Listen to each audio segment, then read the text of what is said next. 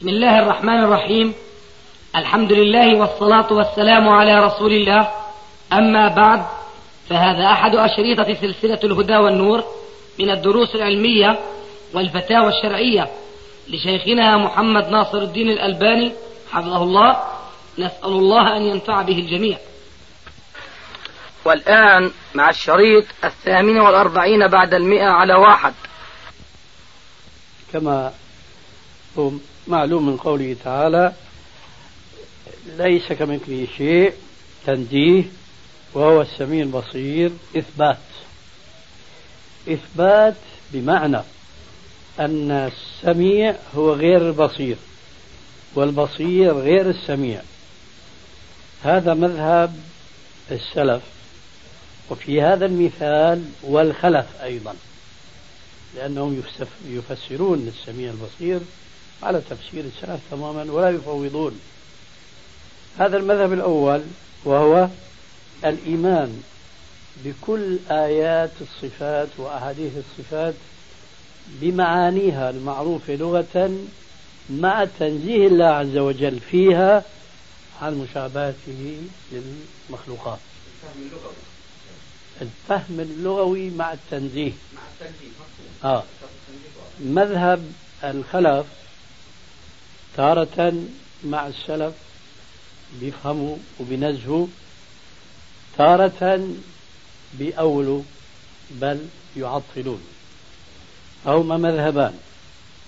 مذهب الفهم لآيات الصفات وأحاديث الصفات مع التنزيه وفهم ثاني تأويلها وعدم التسليم بمعانيها الظاهرة. ولو كانت مقرونة بالتنزيه. مذهب لا من هؤلاء ولا من هؤلاء مذهب المفوضة. المفوضة لا يفهمون من آيات الصفات شيئا إطلاقا ويقولون الله أعلم بمراده. فهم خالفوا السلف وخالفوا الخلف. خالفوا السلف لأنهم يقولون ربنا كلمنا بلسان عربي مبين. فنحن نفهم وهو السميع البصير أن السميع هو غير البصير وأن السمع له علاقة بسمع الأصوات والبصر له علاقة برؤية الموجودات. هذا هو المعنى العربي لكن سمعه ليس كسمعنا وبصره ليس كبصرنا.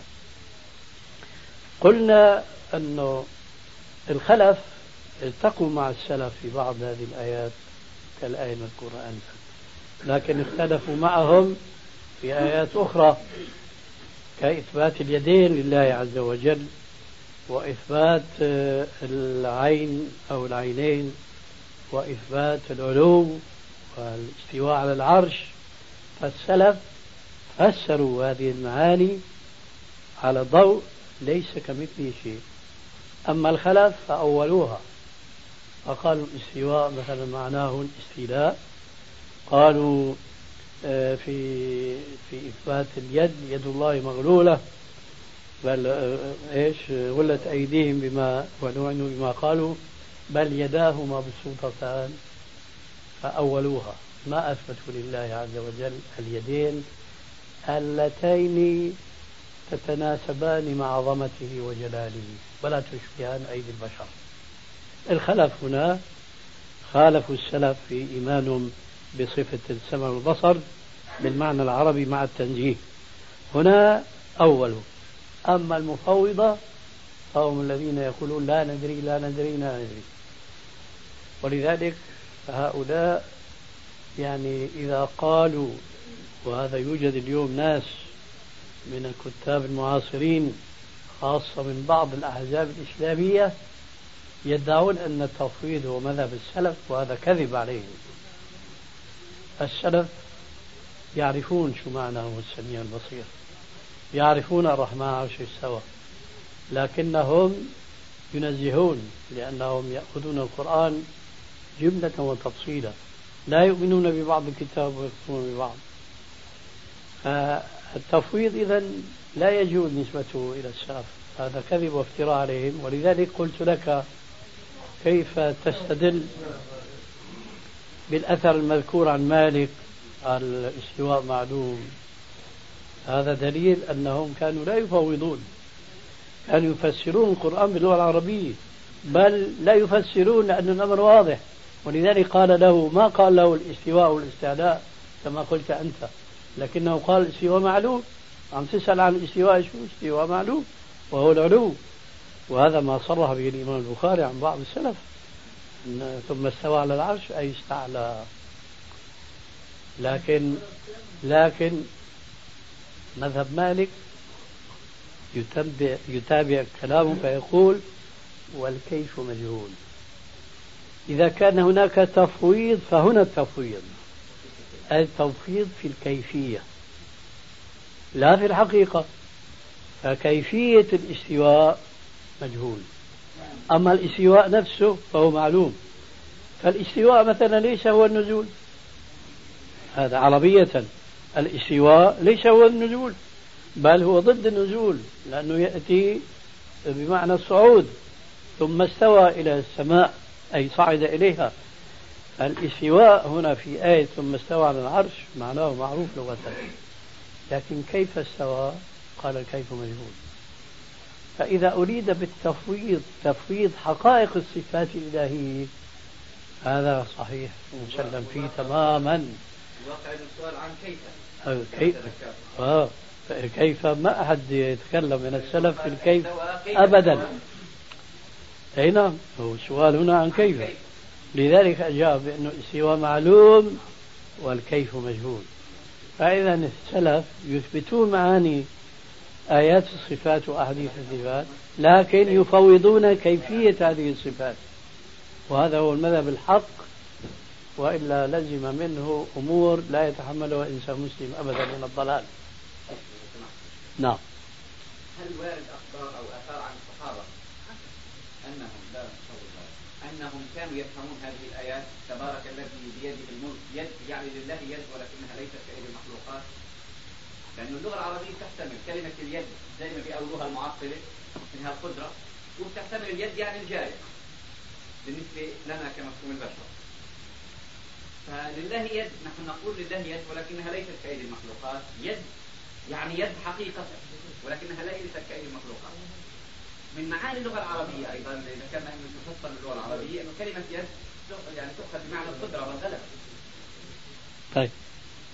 فلماذا نحن لا نقول إنه هذا القول الثاني أيضا هو آه، قول أيضا يؤخذ به في موضوع أسماء والصفات وإن كان هو بيفيد حينئذ التعطيل صراحة. إنه ليس لله يد ولكن مقصودنا الغلبة والقهر. طيب لله يد مسلم لله الغلبة. لله آه. ها؟ طول اصبر. هذا مسلم به لدى الجميع. تركناها جانبا. هل لله يد؟ وقف حمار الشيخ عند العقبة. أنا لا أنا المفهوم الذي يعني المنهج اللي أخذنا عليه إنه ما تقول لله يد. الله أعلم بمراده. هذا هو السلف اللي إحنا قلنا قبل شوي عنهم المفوضين اللي هم الخلف. أما إذا قلنا لا موضوع اليد موضوع اليد هذه من من الصحابة فهم هذه الآية؟ على أنه يد بمعنى اليد لأن لله يد. المو... الموضوع ليس موضوع يد. اليد مثال. الموضوع موضوع الصفات عام طيب.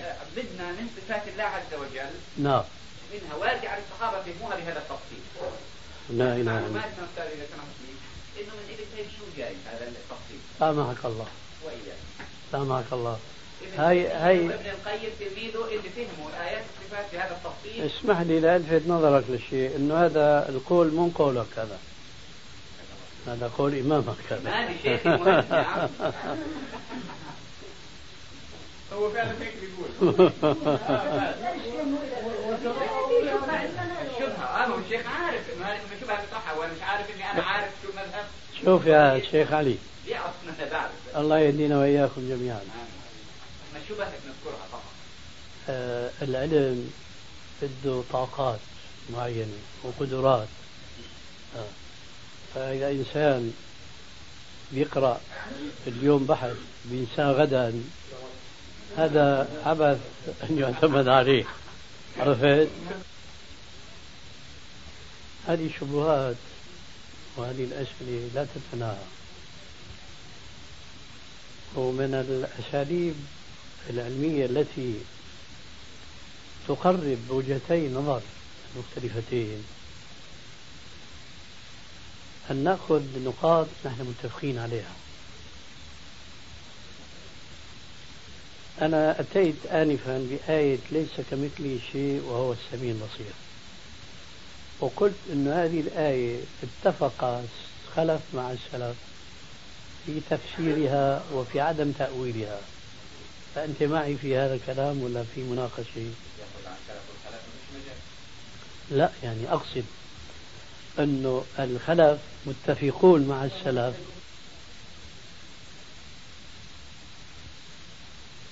آه، كان في مجلس أبي جعفر المنصور. لما دخل أبو جعفر المنصور قاموا كلهم إلا الرجل العالمي بعض أهل المجلس فيه بقلبه ضغينة ضده. لفت نظر الخليفة أنه كل الناس آموا له. هذا لا سألوا. قال له ليه كل الناس آموا إلا أنت؟ قال له يا أمير المؤمنين أجللتك من الجلالة عظمتك من أن تقع في مخالفة حديث جدك محمد صلى الله عليه وسلم. قال له ما هو؟ قال قال حدثني فلان قال حدثني فلان قال قال رسول الله صلى الله عليه وسلم من أحب يتمثل له الناس قياما فليتبوأ مقعده من النار فأنا أجللتك أن تكون من هؤلاء.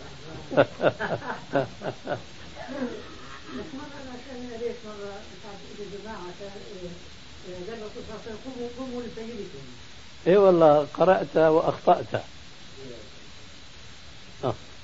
هذا أبو محمد أحمد ما بيترك العادية هي. أبدا. ما بيتركها.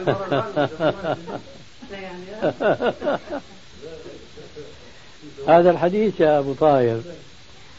أولا روايته خطأ لأنه بلفظ قوموا إلى سيدكم وليس قوموا لسيدكم. ولا يشك أي مستعرب مثلي فضلا عن العربي مثلكم. الفرق بين قوموا لسيدكم وقوموا إلى إلى سيدكم. قوموا نعم.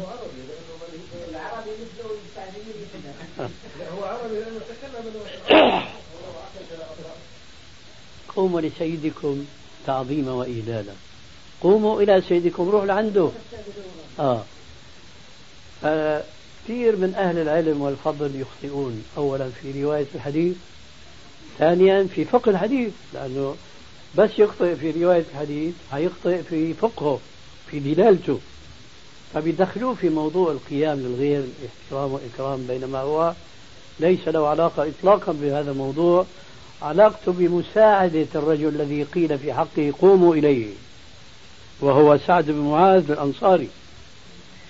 كان مصابا في أكحله جريحا وكانت اليهود في وقت الخندق حكموا آه، هذا الرجل الفاضل رضوه حكما بينهم وبين الرسول عليه السلام.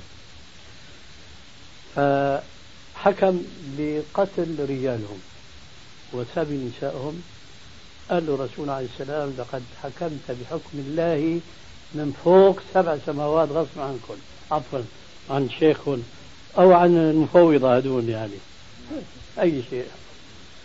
حكمت بحكم الله من فوق سبع سماوات. الشاهد جاء وقت تنفيذ الحكم فجاء راكبا على حمار وهو مريض. فقال للأنصار الذين قوموا قوموا إلى سيدكم فأنزلوه من دابته. شايف شلون؟ وين الحديث؟ أي نعم في فرق كبير. إيه نرجع في حديثنا السابق. نحن لازم ناخذ نقطة التقاء قوله تعالى ليس كمثله شيء وهو السميع البصير. السميع البصير صفتان لله عز وجل. ماذا يقول الذين يؤولون اليد والاستواء إلى آخره؟ ماذا يقولون في هذه في هاتين الصفتين؟ أو غير العبارة هي نعيد عليكم سؤالكم.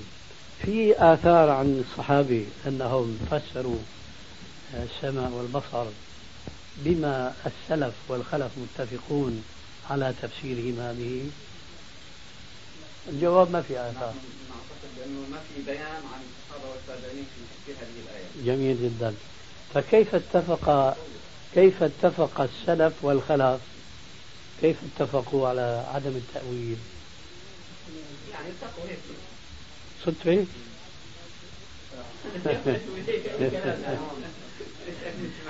يعني بدون علم؟ سبحان الله يعني مرات تجتمع القلوب. إيه بدون علم؟ ما بتعرفش. يعني ما بتعرفش الشيء لازم تصلحها منيح.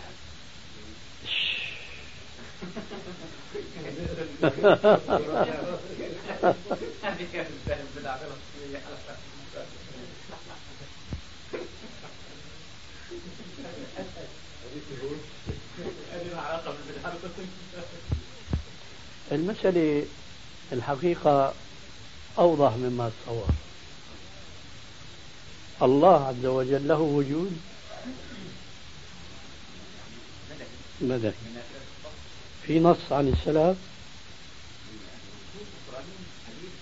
القرآن المنزل خلق السماوات والأرض هذه كلها أدلة بس خالفت هلا طريقتك وهي قرآن ليس كمثله شيء وهو السميع البصير ليس كمثل الله عز وجل شيء.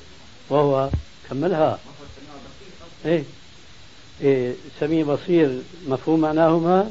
يسمع سمع يليق به لا ندري كيف يسمع. طيب الصحابة قالوا هيك لا ما قالوا هيك لكن هم لما يقول لك السميع البصير. لا يا حبيبي لا تطول الشرح. قالوا هيك صحابي؟ لا لا من فهمي فهمي مش مش فهمك فهم الجميع.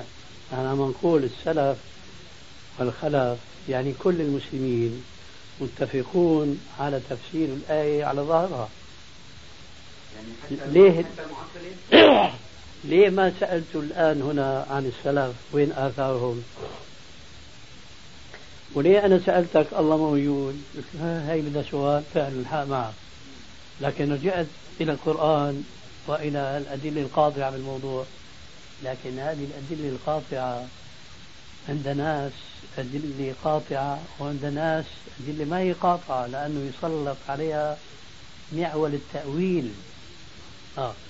فهالآية هي ليس كمثله شيء وهو السميع البصير قلنا ما في خلاف بين المسلمين سلف ولا خلف كلهم مؤمنون بأن الله سميع بصير. هنا لماذا لم يؤول؟ أول سؤال ولماذا لم يفوض؟ ليش هون ما بنسلط معول الهدم باسم التأويل أو باسم التفويض والله أنا بقول لي بروح الايه والايه واضحه ليس كمثله شيء ما ما جاوبتني الله يهديك. وهو السميع البصير. أنا بدندن على تمام الآية أنت بتدندن على أولها. في صفتان هنا. ليس كمثله شيء ما في نزاع بين سلفي وخلفي كلهم منزهون. لكن النزاع في الإثبات. هل الرحمن عرش استوى بمعنى استولى أم بمعنى استعلى؟ هذا النزاع أما أنه آية في القرآن ست أربع آيات في القرآن ما في خلاف. كذلك لا خلاف في التنزيه ليس كمثله شيء. لكن هل هناك خلاف في تمام الآية وهو السميع البصير؟ الجواب لا. لا خلاف. ليه عم تتجاهل القضية هي؟ فالآن ماذا تقولون عن هذه الآية حينما آمنتم بها؟ ما عطلتموها بالتأويل ولا أنكرتم معناها بالتفويض. على مين؟ على مين؟ كيف هم فهموا هذه فهموا هذه الايه واتفق فهمهم على فهم السلف وهم يعطلون لك دافع عن التفويض لأنك أنت بتبني مذهب الدفاع مش أنا بدي دافع أنا بدي أهدمه لأنه ضد الكتاب وضد السنة. أنا لما سألتك آنفا الله موجود؟ نعم قلت موجود. طيب أنت موجود ولا مفقود؟ ولو موجود فكره بس شوف شلون شلون موجود. طيب شلون جعلت نفسك شريك مع الله في الوجود؟ سلكها واستريح. كل الآيات هكذا كل الآيات هكذا. شو المشكلة إذا قلت في قوله تعالى بل يداه مبسوطتان؟ يداه ليست كأيدينا. انتهى الموضوع. شو اللي في الطريق؟ السلف لم يفهموا هذا الفهم والسلف لم يفهموا هذا الفهم السميع البصير. وأنا بقصد بالسلف يعني خير السلف اللي هم الصحابه وأنا بقصد اللي تقصده أنت. شو الفرق؟ يعني التفصيل هذا من من من العصور المتأخرة والشجاري نعم لسه بيبني على شفا جرب نار. الصحابي ما تكلموا في السميع البصير. ليش أنت عم تتكلم وتقول مبين المعنى؟ يعني أنا بقول سمع يعني هذا بدنا وهذا بدنا في كل الصفات. بس عم نسألكم ليه هون بتقولوا مبينة وليس كمثله شيء؟ وهنيك بتقول ليش ما نأول ليش تأول الأصل من قولك لأنه نفهم هذه الأسماء وهذه الصفات بناء على مفاهيم اللغة العربية. أي نعم. اللغة العربية تحتمل المعنيين يد بمعنى القدرة ويد بمعنى يد الجاري هذا مو دائما الله يهدينا وإياك لأنه لما تفسر يداه ما بتقدر تقول قدرتاه طبعا لا هو طبعا مش دائما طبعا طبعا. فإذا شو معنى يداه؟ وبل يداه مبسوطتان. وبعدين كلتا يدي ربي يمين. أحاديث صحيحة وصريحة. هذه ما بتأول هون. لا بتأول بقدرة ولا بتأول بنعمة. من أي تأويل من التأويل التي لجأ إليها المتأخرون أو المؤولة أو المعطلة؟ ما بتتأول هذه. ممكن أن تؤول في بعض الأمكنة لكن التأويل هناك ما بيعطل الصفة. ولذلك أنا تذكر إن سألتك هل تعتقد بأن لله يدين؟ ما سمعت منك جواب. مع أنه هي الآية ما بتتأول بل يداه مبسوطتان. ومن عجائب أحاديث الرسول عليه السلام حينما قال وكثيرا ما سئلت عن هذا القول آه كلتا يدي رب يمين كيف؟ كان لا كان جوابي هذا السؤال هو اللي أنكره الإمام مالك. كيف؟ أنت عم تسأل كيف؟ هذا أولا. وثانيا هذا الحديث بأكد عموم النص القرآني. ليس كمثله شيء. البشر له يمين له شمال. لكن الله ليس كمثله شيء فكلتا يدي ربي يمين. هذا تأكيد للتنزيه. فإذا لله يدان. لا تشبهان أيدي المخلوقات هل هذا التفصيل معروف قبل ابن تيمية؟ كيف لا يا أخي؟ الله يهديك. يعني مثلا الأئمة الأربعة إيش بيقولوا؟ الأئمة الأربعة إيش بيقولوا في فهم الأسماء والصفات؟ هكذا يقولون كما يقول السلف. الإيمان بالصفات بمعانيها الحقيقية بدون تكييف. والله الشافعي سئل عن هذا فيما أعلم في صريح لفظه. قال أمروها كما جاء. وما فهمنا من هذه العبارة أنه هو يفوض طيب. أنا أفهم من هذه العبارة أنه ما بيأول. لا لا لا ما بيأول. طول بالك طول بالك. الله يهديك. في معنيين هنا. آه. أمروها كما جاءت بدون فهم. ما هي؟ نعم آه. هذا بتقوله أنت يعني. أنا بقول أمروها كما جاءت بدون تأويل. يعني مشروع على ظاهرها. شو بتفهموا منها؟ هذا هو المعنى العربي. وهذا يلتقي مع قول مالك. الاستواء معلوم. والكيف مجهول. نعم. هو السلف. إن من أئمة السلف. أنا اللي برتاح له حقيقة بغض النظر عن الثاني اللي برتاح له قلبي هو القول الثاني. اللي هو الإمرار بلا تعطيل.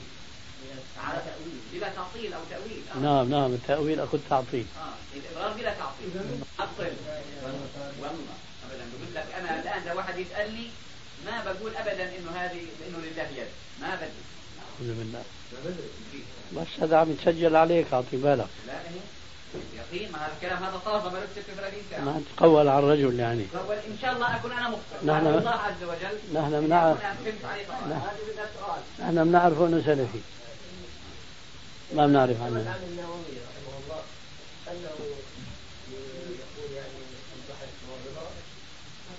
نعم. يا أخي هذول الخلف مثل ما قلت لك تارة سلفيين لا يؤولون. تارة يؤولون فهم خلفيون.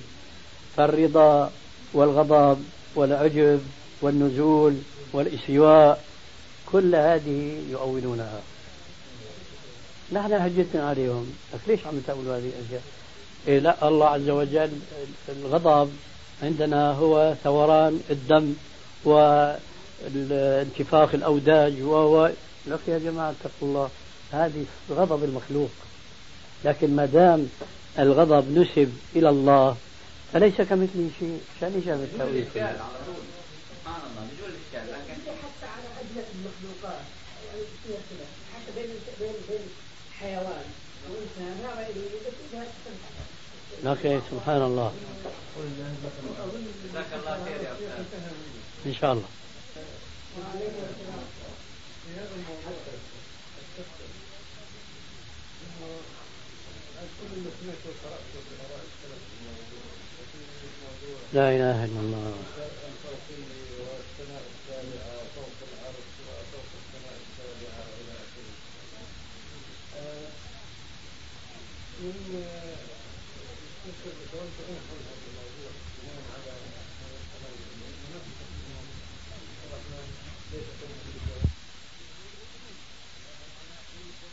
وين؟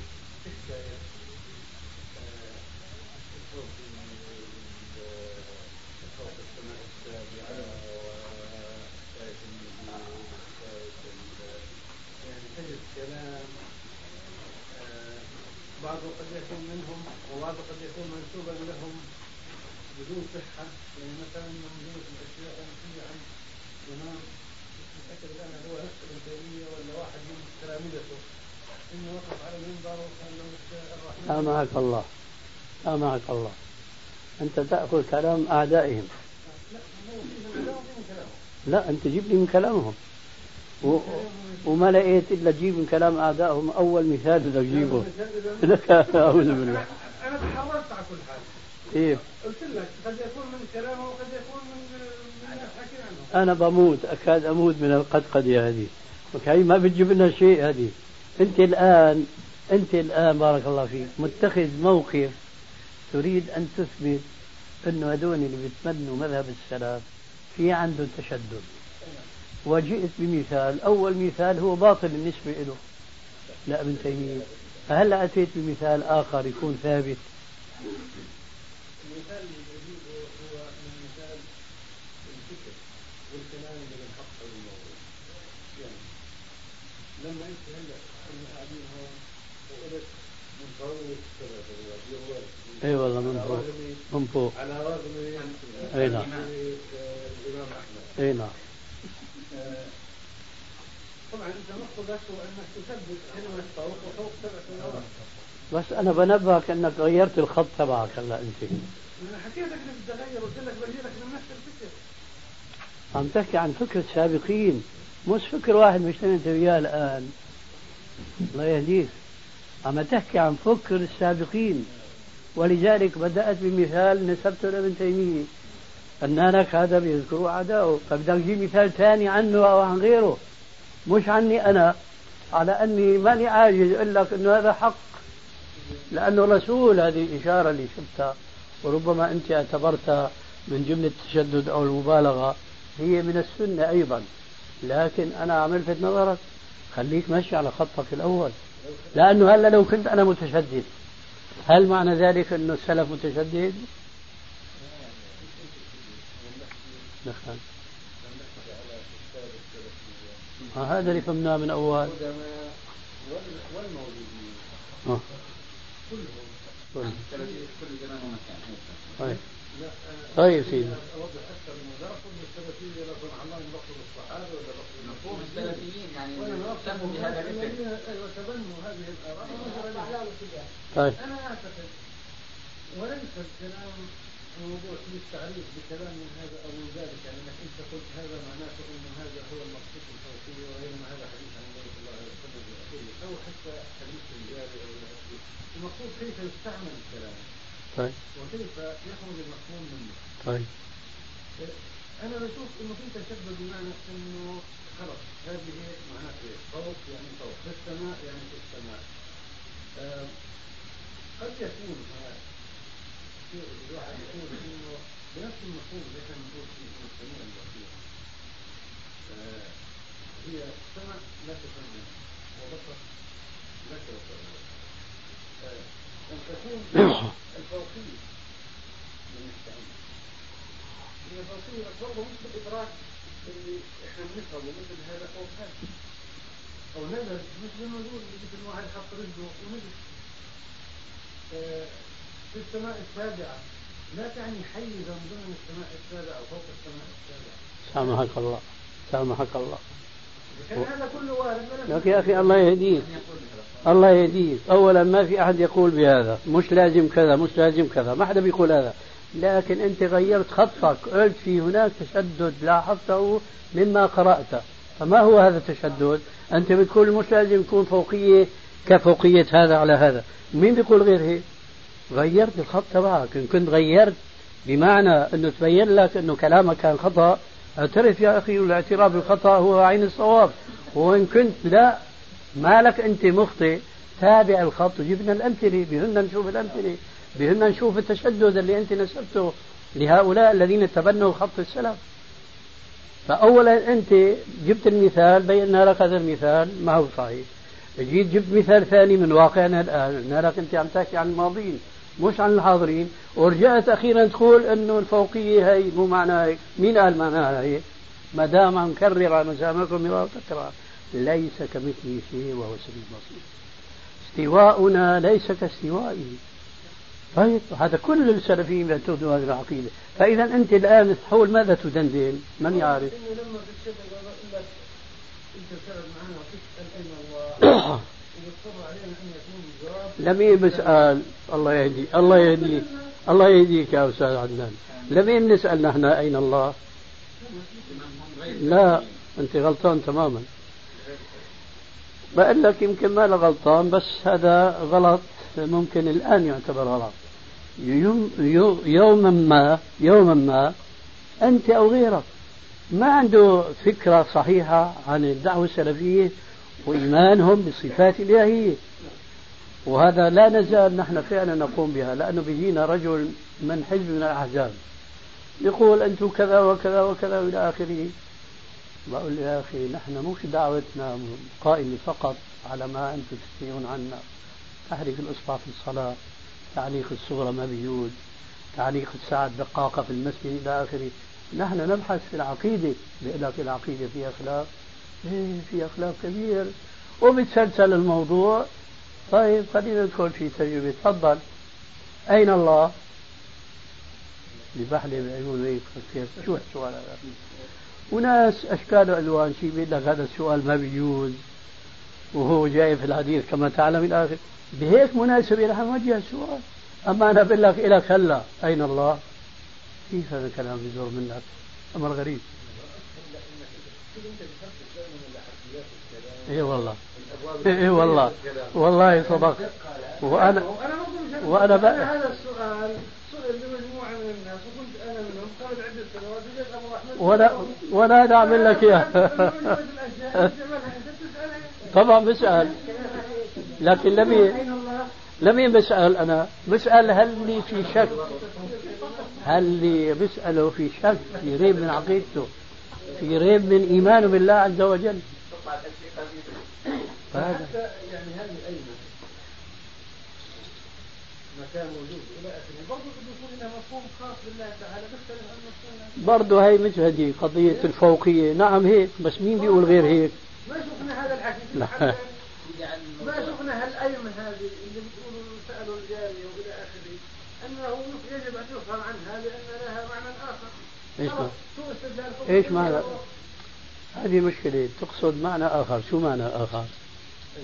شو هذا أنت عم تقول إيه إيه إلى معنى آخر شو يعني؟ معنى آخر يعني بالنسبة لله تعالى مكان الوجود لا يعتبر مثل ما نحن نفهم المكان هذا لك يا أخي مين بيقول غير هيك؟ لا يقال هذا الكلام في معرض الحديث عن أين الله. طيب ما هو هيك لا يقال؟ حتى اسم اسم مع السورة اللي كنا في بيت الدكتور عصام يقول له هذا الشيخ لازم تفهم معاه من أين تؤكل الكتب وإلى آخره وانهيت بالكلام كله إلى هذا الحديث تبع الجابر. طيب طول بالك أنا راح أحكي لك قصة. تشوف أنه أنت المعاني اللي عم تنفيها الآن عن كلمة الأينية هذه. هي نحن دائما نقررها. بس لا مؤاخذة آه، قلة الصلة والجالس والاجتماع ينسي الحقائق اللي استقرت في النفوس. هلا أنا بحكي قصة جرت بيني وبين احد المشايخ. أظن أنت من الذين سمعوها مني مرة أو أكثر من مرة. وممكن ما أنت سمعتها سمع غيرك بطبيعة الحال. وهات شو رأيك بعدين هذا الإنسان اللي بيقرر وبيسأل أين الله؟ هل هو يفهم هذه الصفة الإلهية بالمعنى المحدود البشري؟ سنة من سنين الحج ونحن في منى وأنا جالس مع بعض الحجاج في مصري في شامي وعم اتحدث دخل علينا الشيخ أزاري السلام عليكم وعليكم السلام. جلس. أصغى لحديثي شم من الحديث رائحة السلفية. قال لي أنتم جماعة الوهابية بتشبهوا رب العالمين بالمخلوقات. قلنا له كيف؟ قال أنتم بتقولوا أنه الله فوق السماوات. قلت له نحن بنقول ولا هذا كلام رب العالمين؟ وذكرنا بقى آية أمنتم من في السماء الرحمن عرش استوى تعرج الملائكة والروح إليه إلى آخره. فهذا مش كلامنا كلام رب العالمين ويجب الإيمان به. ثم تابعت موضوع موضوع آه، منطقي عقلي. آه، بظن أنا بيعجبك طريقته هذا المنطق. لأنك أنت بترشح منك من الكلام السابق. قلت له تعال الآن نشوف أنه هدول هل بيآمنوا بأن الله على العرش استوى. هدول مجسمة هدول جعلوه في مكان حصروه في مكان ولا هذا افتراء عليهم. قلت له قبل كل شيء بسألك سؤال. الكون المخلوق محدود ولا غير محدود؟ قال محدود. قلنا له الله تبارك وتعالى محدود؟ قال لا. قلنا له كويس. هذا نحن متفقين عليه. سؤال ثاني.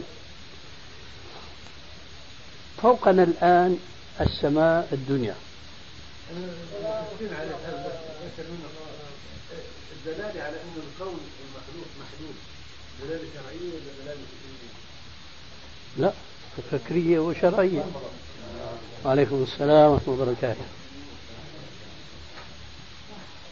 وهذا السؤال إذا كان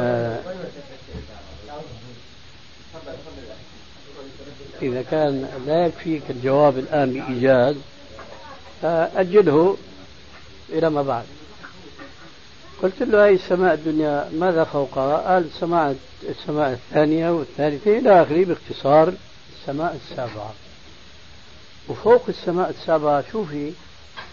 قال العرش قلنا له كويس والعرش إيش فوق منه؟ قال الملائكة الكروبيون. قلت له إيش هدول الملائكة الكروبيون؟ قال ملائكة على العرش. قلنا له في عندك آية فيها هاي؟ قال لا. في عندك حديث عليها؟ قال لا. قلت له كان مين جبت الملائكة دون وضعتهم على العرش هناك؟ قال والله هيك لقنونا مشايخ في الأزهر الشريف. قلت له عجبا من مشايخ الأزهر بيقرروا على الطلبة أن العقائد لا تثبت بأحاديث الصحيحة إذا كانت أحاد غير متواترة. وأنت بتثبت الآن عقيدة بلا حديث إطلاقا. لكن نحن مو هذا هدفنا. نمشي معك الآن. الملائكة كروبيون فوق العرش. وإيش فوق الملائكة الكروبيون؟ في شيء ولا انتهى قال انتهى إيه خلق محدود يعني. قلنا له الكون من أول كنا قلنا له الكون مشتق من كان يكون. إنما أمره إذا أراد شيئا يقول له كن فيكون. فهذا الكون الآن على اعتقادنا نحن أعلى المخلوقات عاش الرحمن. على اعتقادك أنت الملائكة الكروبيون. وبعد ذلك إيش في؟ هل هناك شيء هل هناك مخلوق؟ هل هناك مكان؟ قال لا. قلت إذا ليش أنتم بتتهمونا وبتقولوا عنا أنه جعلنا ربنا في مكان؟ وهي أنت هلا بالمنطق العلمي السليم وصلت أنه بعد العرش ما في مكان. فالله حينما يقول المسلم السلفي فوق العرش استوى لا يعني أنه في مكان مثل الإنسان في مكان. ولا يعني أنه فوقيته على العرش كفوقية الملك على الكرسي أو العرش تبعه فليس كمثله شيء وهو السميع البصير. فإذا التعبير إذا صح نفيات جمع نفي اللي عم تنفيه أنت؟ هذا من لوازم الدعوة السلفية لأنه مرات منكرر مع أخونا علي هنا ليس كمثله شيء وهو السميع البصير. فكل صفاته تتناسب مع الجلال وعظمته فهي لا تشبه شيئا من صفات مخلوقات. وصفات العلماء تنقسم إلى قسمين صفة آه، فعل وصفة ذات. فالرحمن عرش استوى صفة فعل. نزوله ينزل الله كل ليلة إلى السماء الدنيا. صفة آه، فعل أيضا. نزوله ليس كنزولنا واستواءه ليس كاستوائنا وإلى آخر ما هنالك. فهل اللي عم تدندن حوله أنت كأنك لأول مرة ولا مؤاخذة تتصل بهذه الدعوة؟ فبتحاول إنك تقول بس هذا مو هيك مو هيك مو هيك. وهي كما يقولون من مسؤولياتنا التنزيه هذا من لوازم الإثبات وإلا كان مشبها. ورحم الله ابن القيم حين قال المجسم يعبد صنما والمعطل يعبد عدما. فالسلفي إذا كان بده بسبب إثباته للصفات بده يجسم معناها عبد صنما لا سمح الله. فالتنزيه مع الإثبات هما مذهب السلف الصالح في كل الصفات. فلا يخطر في بالك أنه إذا قلنا استوى أو أين الله أنه في هناك يعني آه، تشبيه الخالق بالمخلوق عياذا بالله. ليس كمثله شيء وهو السميع البصير. السؤال الآن سمعت هذه القصة قبل هذه المرة؟ طيب شو نساوي لك لا لا لا لا يعني لا المقصود من السؤال هذه القصة هي جواب أنت إشكالاتك. لكن هذه متكررة في مجالسنا. بيجوز أنا أعلم وأفهم وفي رأيي أن ما قلته أنت هو ما تقصده وما تقصدونه هذا واضح طيب. طيب. لكني أقول أنه هذا الشيء ليس واضحا في أكثر ما يكتب وفي أكثر ما يفسر حول هذه المواضيع بالذات الشيء اللي عم يحكي فيه فيما يتعلق بالفوقية والاستواء والأثر يعني عندك هو من المنفيات لدرجة أنه لا يركز عليه. هو قد يذكر في أو كلمتين في مسائل المسلمين. لكن الاهتمام الرئيسي هو منصب على الإجابة. على المعطلة وعلى المؤولة وعلى المشبهة وعلى وعلى. بشكل انك حينما تقرأ الكلام هذا عن محتوى الدعوة آه، السلفيه فيما يتعلق بأمر العقيدة وأمر الخالق. تجد أن معظم التركيز ومعظم التوسع ينصب على النواحي الأخرى اللي هي الإجابة على الآخرين. دون توضيح واسع ل ما اختلفناش إنه بتوضحوا إنه وليس كايدينا وليس بسمعنا وليس كوصلنا مو هذا أنا مقصودي نقتضي انه برضه الفوقيه ليست كفوقيه يعني حتى أنا لا أعتقد. يعني فكرا طبعا ولا يجوز أن فيها. أعتقد إنه يبحث إنه نفس العرش هو من آه الأشياء التي نحن لا نعلم كنها وهو عرش أظن إنه ليس كالعروش أنا مفسر انه عرش يطلع. آه الفوقية عليه مثل ما قلنا هي فوقية مختلفة. آه حتى طرف الكون اللي عم تحكي عنه. الفصل بين المادة واللا مادة وجود وعدم وجود هناك كمان هو شيء إحنا لا ندرك أبعاده ولا ندرك مفاهيمه كل هذه الأشياء بعتقد إنه آه، تستاهل بالمعنى الفكري توسيع أكثر فيما يتعلق بالعقيده هذا يعني مجرد يعني قرأت عدة أشياء هذا الموضوع وجدت أنه هذه الناحية كفكر وكمنطق فكري ملتقى من القواعد الإسلامية ممكن تصير فيها ما بعرف يعني أنت لا تزال بتدندن حول القضية العقيدة ما بدها فلسفة ولا بدها شرح. أنت تطلب شيء لا سبيل إليه. هذه مو أحكام شرعية. الأصل في كل هالبحوث هاي ويسلموا تسليما. ولولا أنه دخل علم الكلام. واضطر الناس أن يتكلموا في شيء ما تكلموا به الأولون. كان هالكلام هذا كله غير وارد ولا بيجوز الخاص فيه. إيه أنت بتريدنا الآن يكون في زيادة؟ هذا خطأ. فإذا الطريقة اللي عندك خوضوا فيها. واللي خطوا خلصتوا بإسهال كبير جدا. بدل أن يكون التركيز فيها على الإجابة على كذا وكذا وكذا وكذا فقط. أن يكون فيها توضيح أكثر لا إنه نحن نقصد هذا بنسأل عنه شو التوضيح؟ هلا أنت مثلا شو النقطة اللي خافي عنك؟ أنت بهالجلسات القليلة اللي أنا مش خافي عنه. ما عليه طول بقى لكان لما بدنا نوضح يا أخي. المحتوى اللي مكتوب لبيجي واحد يقرأه من الناس العامة فيشعر وكأنه المقصود فيه هو أقرب في بعض الأشياء يعني محتوى الكلام. بيكون في نوع من الشيء إنه لا فوق معناته إنه في يعني لو واحد ثاني من اللي مغرضين واللي بيقولوا عن السلفيين إنهم يضعون لله حيزا بيجيب الكلام هذا اللي مكتوب من قبل السلفيين ويقراه أمامنا من الذين لا يعلمون. ويقول لهم هذول بهذا الكلام بيقصدوا أن الله محصور بين كذا وكذا في السماء. يستطيع من خلال كلام السلفيين أن يجد دليلا يقنع به أصحاب العلم القليل على هذا. هذا أنا أعتقد إنه أنا هون بالمقابل أي شخص يستطيع أن أن يتسلل إلى أي نظرية أو مذهب ويقع لا لا أنا أردت أن أقول أكثر من هيك. القرآن والسنة ممكن هذا الشيء اللي بتقوله أنت. القرآن والسنة. إيه شو نساوي يعني؟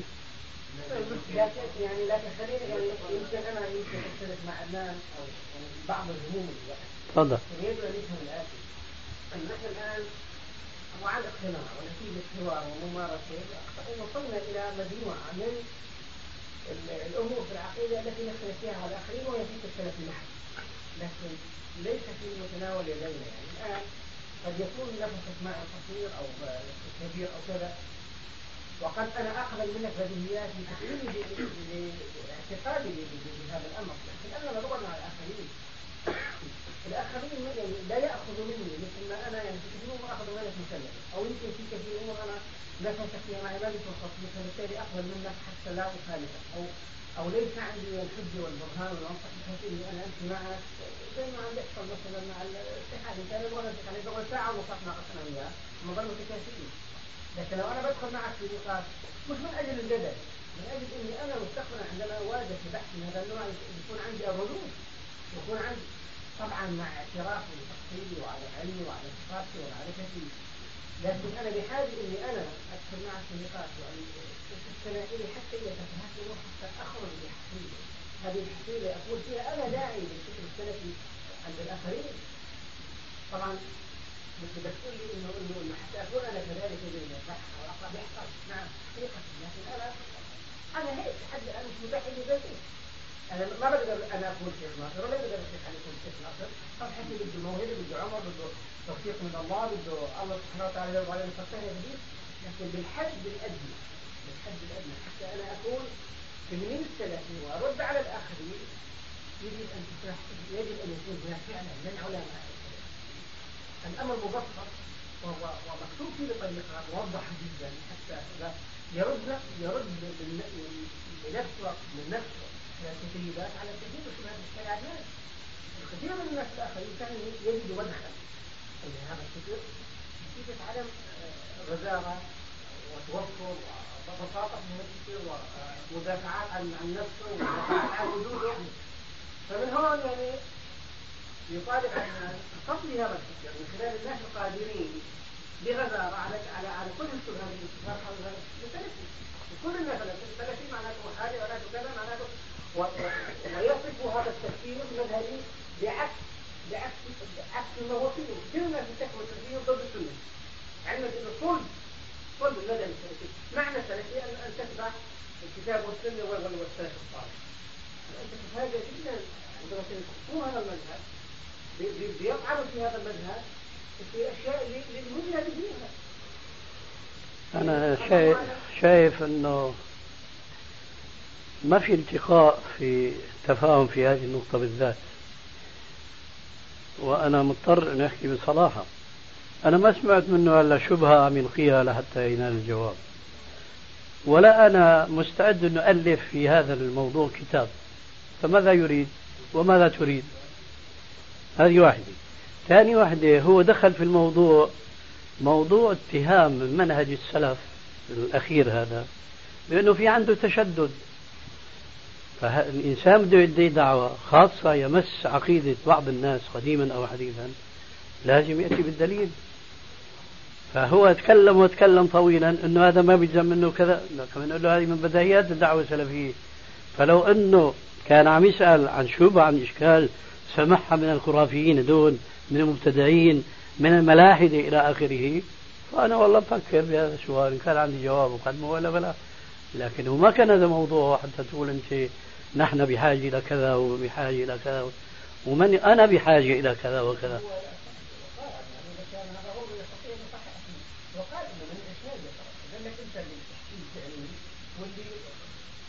الكلام اللي وارد عنك وأنا ذلك عندي أنا بدي أجي شو قال يا أخي؟ عن عن الشيء اللي قرأه شو قال؟ شو الشبهه؟ شو الشبهه اللي عرضها؟ مثلا أقول لك إنه هذول الناس اللي بيقولوا المؤوله معظم اصحاب المذاهب العلماء نعم طبعا. نعم. يقولوا إنه أنتم أنتم بتقولوا إنه فوق السماء. السابع معناته أنتم بتحطوا حيز بالرحمة. وهذا لا يجوز طيب أنت شو بتريد هلا؟ شو بتريد منا؟ هلا هالشيء اللي عم تحكيه عن دول الجماعه أنت بتظن إحنا معنا خبره؟ لا. اسمح لي اذا شو قصدك من الحكاية هذه؟ إن كان قصدك شيء فهمنا الواقع. لا أنت بتعترف معنا إنه نحن عارفين الواقع. إن كان قصدك شيء علمي تفضل اسأل عنه.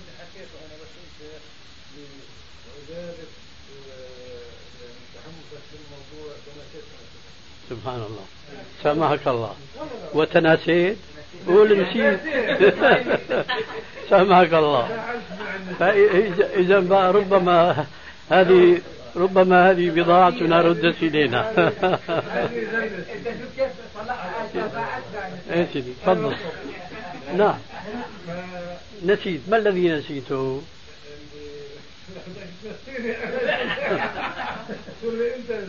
طيب أنا حكيت قلت انه ادارات تركز أكثر ما تركز على النقاط المبدئيه التي موجوده واللي هي موضوع انه الرحمن وان الله وان وان وان هي طريقه الحل واضحه ومفهومه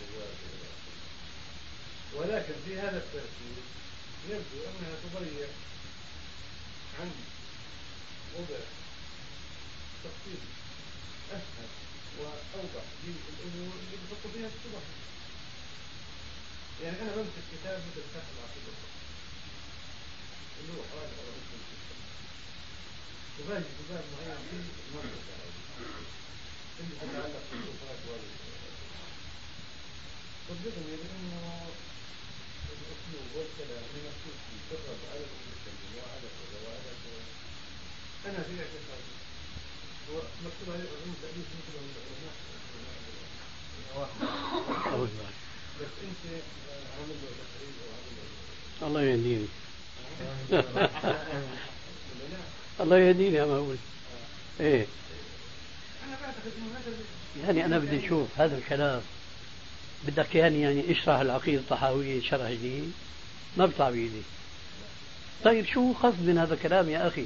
هذا مش كلامك هذا كلام الخصوم. اولا بتقول بيركزوا على كذا وكذا. هذا مو صحيح. شوف مؤلفاتي كتبي على إيش عم تركز؟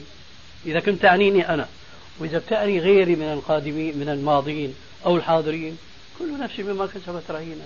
الإنسان يعمل في حدود صفاته وطاقته. فأنا عم أقول إلك ولأبو يحيى لدعمك. إنه أنا ما سمعت شبهة من أخونا عدنان لحتى نجاوب عليها. بالعكس سمعت تهجم على السلفيين إنه عندهم تشدد. وين هذا التشدد؟ ما سمعنا ما جبت ولا مثال.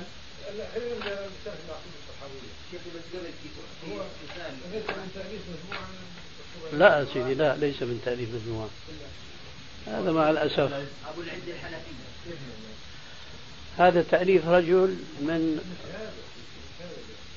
كان